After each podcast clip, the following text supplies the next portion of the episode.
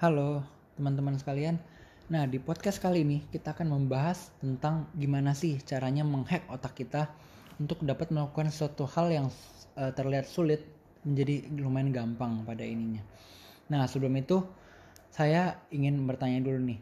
Kenapa menurut kalian kenapa sih misalkan otak kita lebih senang untuk melakukan sesuatu seperti entertain diri kita dibanding belajar seperti baca buku atau belajar dari biografi seseorang? Itu kenapa?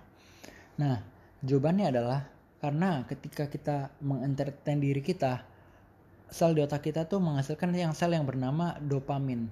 Nah, sel dopamin ini adalah sel yang memberikan pleasure kepada diri kita sehingga kita ada rasa suatu kenikmatan.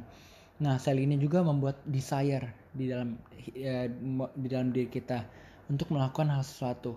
Nah, makanya mungkin ketika kita sedang menonton YouTube atau drama Korea atau kita lagi scrolling Instagram, kita nggak ada rasa terbeban sama sekali karena dia merilis sel dopamin yang ada rasa benar-benar uh, enjoy gitu untuk melakukannya dan nggak ada rasa beban sama sekali.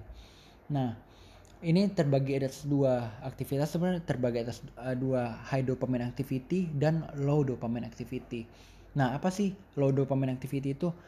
Aktivitas yang di mana membuat kita malas untuk melakukan sesuatu karena aktivitas tersebut hanya memproduksi sedikit sel dopamin. Jadi kita nggak ada motivasi buat lakukan sesuatu karena nggak ada hal yang spesial gitu ketika kita lakukan sesuatu. Contohnya ya tadi baca buku menulis jurnal atau ataupun hal-hal yang lainnya yang mungkin kalian pikir itu high uh, level low dopamin.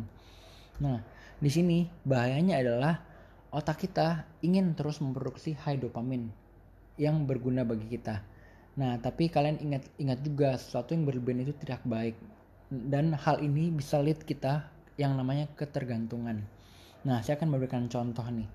Contohnya adalah orang yang ter uh, apa ya? ter terikat dengan narkoba.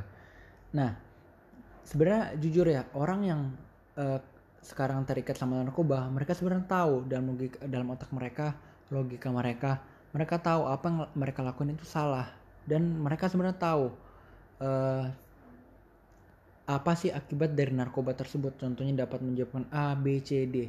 Nah ini juga mungkin sama ya dengan orang yang uh, ketergantungan dengan rokok. Mereka sebenarnya tahu apa sih uh, akibat dari rokok tersebut. Tapi karena merokok dapat dapat mengeluarkan sel dopamin yang bagus eh, yang di dalam otak mereka. Jadi mereka tetap lakuin hal-hal tersebut. Nah di sini kita bisa melihat bahwa titik di mana orang menginginkan dopamin itu lebih mereka udah tidak terkontrol lagi. Sehingga sehingga mereka ingin melakukan hal tersebut lagi dan lagi. Karena mereka sangat mau uh, apa mengeluarkan sel, dopamin yang ada di otak mereka dengan aktivitas tersebut. Nah, contoh lain lagi kalau kalian tahu, salah satunya adalah judi. Judi adalah aktivitas yang mengeluarkan sel dopamin yang mungkin lumayan banyak juga dalam tubuh kita. Nah, itu makanya orang yang sudah terikat sama judi agak lumayan susah untuk keluar dari aktivitas tersebut. Nah, saya akan berikan contoh yang mungkin relatif sama kita ya anak muda, apalagi anak milenial zaman sekarang adalah media sosial. Nah, media sosial ini membuat otak kita mengeluarkan zat yang lumayan banyak juga dopamin yang sangat berlebihan. Itu sebabnya sekarang saat ini sadar atau nggak sadar kita sering banget cek HP kita, kita cek notif kita, lihat Instagram berapa orang yang likes, berapa orang yang komen. Karena itu kita udah ada trik keterikatan keterikatan dengan sosial media yang membuat kita mau lagi dan lagi. Nah, di poin kali ini mungkin uh, teman-teman ada berkata iya aja. Jadi sowat gitu. Jadi apa apa ruginya buat tubuh kita? Nah, ini sebenarnya akan membuat tubuh kita rusak. Bukan sih bukan rusak sih bilangnya. Jadi bisa ada dampak lah dampak negatif dalam hidup kita mungkin dalam long termnya. Nah, saya cuma mau bilang bahwa di dalam tubuh kita ada namanya tingkat toleransi. Nah, contoh sangat simpel yang saya bisa jelasin. Kita punya tingkat toleransi, tingkat level toleransi yang berbeda-beda di dalam setiap orangnya.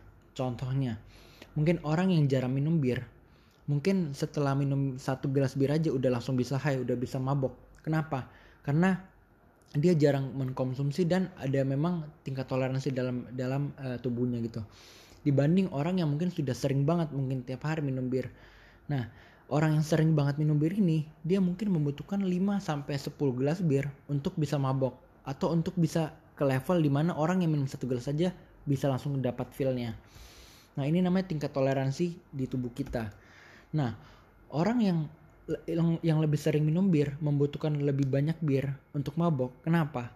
Karena tubuh mereka sudah less sensitif dari impact dari alkohol tersebut. Jadi mereka butuh lebih banyak lagi untuk mendapat impact yang sama dibanding orang yang jarang minum. Nah, di sini artinya bahwa ini kita menjadikan tubuh kita new normal untuk long termnya. Nah, ini sama dengan toleransi dopamin yang ada dalam tubuh kita ini mungkin sangat berbahaya.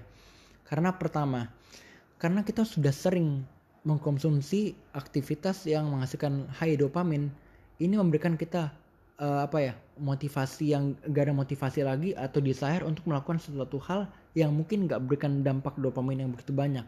Contohnya, kita setelah main Instagram, kita drama nonton drama Korea atau lain-lain, kita nggak ada motivasi lagi buat baca buku, buat apa nonton yang berguna nonton educational apa gitu yang yang yang mungkin berguna bagi hidup, eh, tubuh kita atau eh, otak kita dan kita menganggap hal-hal tersebut udah boring banget dan less fun karena kita otak kita terbiasa dengan hal-hal yang selalu ada high dopaminnya.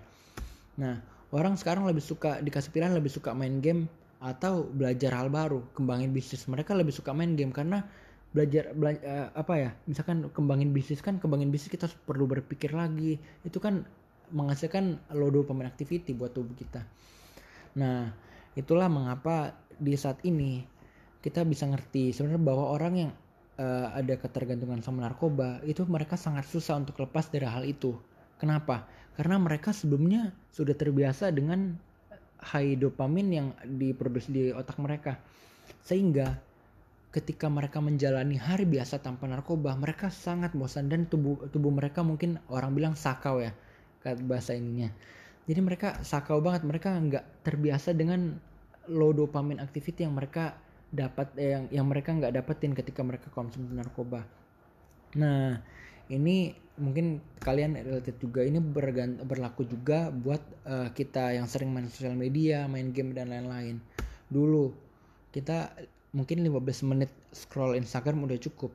Sekarang satu jam aja nggak terasa. Atau mungkin udah berapa jam eh udah satu jam satu malam. Kita udah nggak tahu kita udah berapa jam tersesat di sosial media nah balik lagi uh, ke alasannya saya ingin meng-share hal ini nah sebenarnya habit ini tuh bisa di solve atau gimana cara kita mencegah agar otak kita kita bisa ngetrik gimana caranya kita bisa lakuin hal susah ini menjadi gampang ini namanya dopamin detox. Nah ini simple triknya sebenarnya banyak banget cara kalau kalian bisa tahu. Tapi saya akan uh, jelasin dua aja mungkin yang yang uh, biasa saya lakuin. Nah pertama kita bisa uh, lakuin dopamin detox dengan mungkin social media detox atau hal-hal lainnya. Caranya tentuin satu hari di mana hari tersebut kalian gak boleh main Instagram sebanyak hari-hari biasa. Mungkin misalkan yang nonton YouTube juga kalian kayak bisa dalam arti puasa lah. Kalian puasa hal-hal yang menghasilkan high dopamine activity buat kalian. Dan dan kalian ngapain? Kalian gantiin dengan hal-hal yang mungkin menghasilkan low dopamine eh, low, do, low dopamine effect contohnya jalan-jalan di sekitar rumah tapi mungkin sekarang gara-gara corona nggak bisa kali ya Nah, kalian bisa ganti dengan baca buku, atau kalian menulis jurnal, atau kalian mungkin brainstorm ide bisnis apa yang kalian bisa bikin sekarang, Nah, kalian tulis semua ini di kertas, jangan di HP. Nah, karena percuma juga mungkin kalau kalian tulis di HP terus ada notif masuk lagi ya tersesat lagi di media sosial. Nah, saya ngerti ini aktivitas ini lumayan susah. Tapi gini, kalian kalau mau hasilin sesuatu yang luar biasa, kalian harus juga action yang luar biasa juga. Karena kita nggak mungkin mau dapat result yang sama, tapi kita tetap melakukan hal yang sama. Itu yang mau saya aja. Nah, contoh lagi yang tadi yang saya mau bilang contohnya gini loh ya pemain uh, detox gini uh, yang berguna banget contoh paling sederhana kalian tiap hari nih anggap Senin sampai minggu kalian makan di restoran terus. Nggak pernah makan di rumah makan di restoran terus. Makan pizza makan sushi makan apa semua yang enak-enak. Nah suatu hari kalian ditawari makan nasi putih tok nasi putih doang. Kira-kira kalian tertarik gak ya pasti nggak ada nafsu sama sekali karena kalian udah terbiasa new normal kalian itu makan yang enak-enak semua. Tapi kalian coba pikirin gimana kalau sekarang kalian ceritanya tersesat di hutan? Atau kalian tersesat di pulau terpencil dan salah cuman satu makanan aja yang tersedia itu nasi putih tok wah kalian kalau lihat nasi putih tok aja udah terlihat makanan mewah jadinya. Karena apa? Karena dan otak otak kita mulai berpikir wah oke okay juga lah misalkan kalau kayak udah nggak ada makanan lagi makan nasi putih. Nah di sini yang bisa melatih otak kita agar apa ya jadi low dopamine activity tetap menarik jadinya. Nah yang pribadi saya lakuin selama ini adalah saya menggabungkan high dopamine activity dan low dopamine activity. Nah di sini saya jadiin high dopamine activity menjadi reward buat saya. Nah contohnya saya jujur hal yang paling saya, saya suka lakuin kalau lagi gabut adalah main FIFA main PS4 ya. Nah itu bener-bener kalau bisa main tuh bisa kes, bisa main FIFA tuh bisa sampai 2 sampai 3 jam kalau bener-bener lagi edit banget sama FIFA. Nah makanya saya ganti. Saya pilih low dopamine activity yang mungkin berguna tapi nggak terus terus amat. Yang saya bisa lakuin contohnya adalah saya baca buku, baca buku atau nonton di YouTube TEDx. Kalau kalian bi biasa nonton TEDx Talk itu juga lumayan bagus. Nah jadi gimana nge-trigger otak saya biar semangat lakuinnya jadi saya lakuin satu jam low dopamine activity, contohnya baca buku atau belajar. Nah, saya kasih reward bagi diri saya sendiri 15 menit high dopamine activity. Jadi seperti main FIFA itu jadi reward saya. Jadi setelah saya lakuin kerjaan saya, ah selesai, saya kasih hadiah buat diri saya bisa main FIFA 2 game atau berapa 15 menit. Nah, kayak gitu. Nah, yang saya juga pengen tekankan di sini adalah after jadi lakuin high dopamine activity after kalian melakukan low dopamine activity. Jangan main game dulu baru belajar. Itu setelah kalian main game udah nggak ada motivasi lagi buat belajar. Karena kalian udah terbiasa high dopamine, tiba-tiba belajar itu kan low dopamine yang kalian hasilkan kalau kalian belajar itu udah nggak ada motivasi lagi. Nah, jadi di sini benar-benar please bisa kontrol addiction kalian. Contoh kalian mau banget nonton film A, tapi lakuin dulu satu hal yang menurut kalian penting tapi nggak seru terus reward dengan uh, apa ya dengan aktivitas yang high dopamine itu.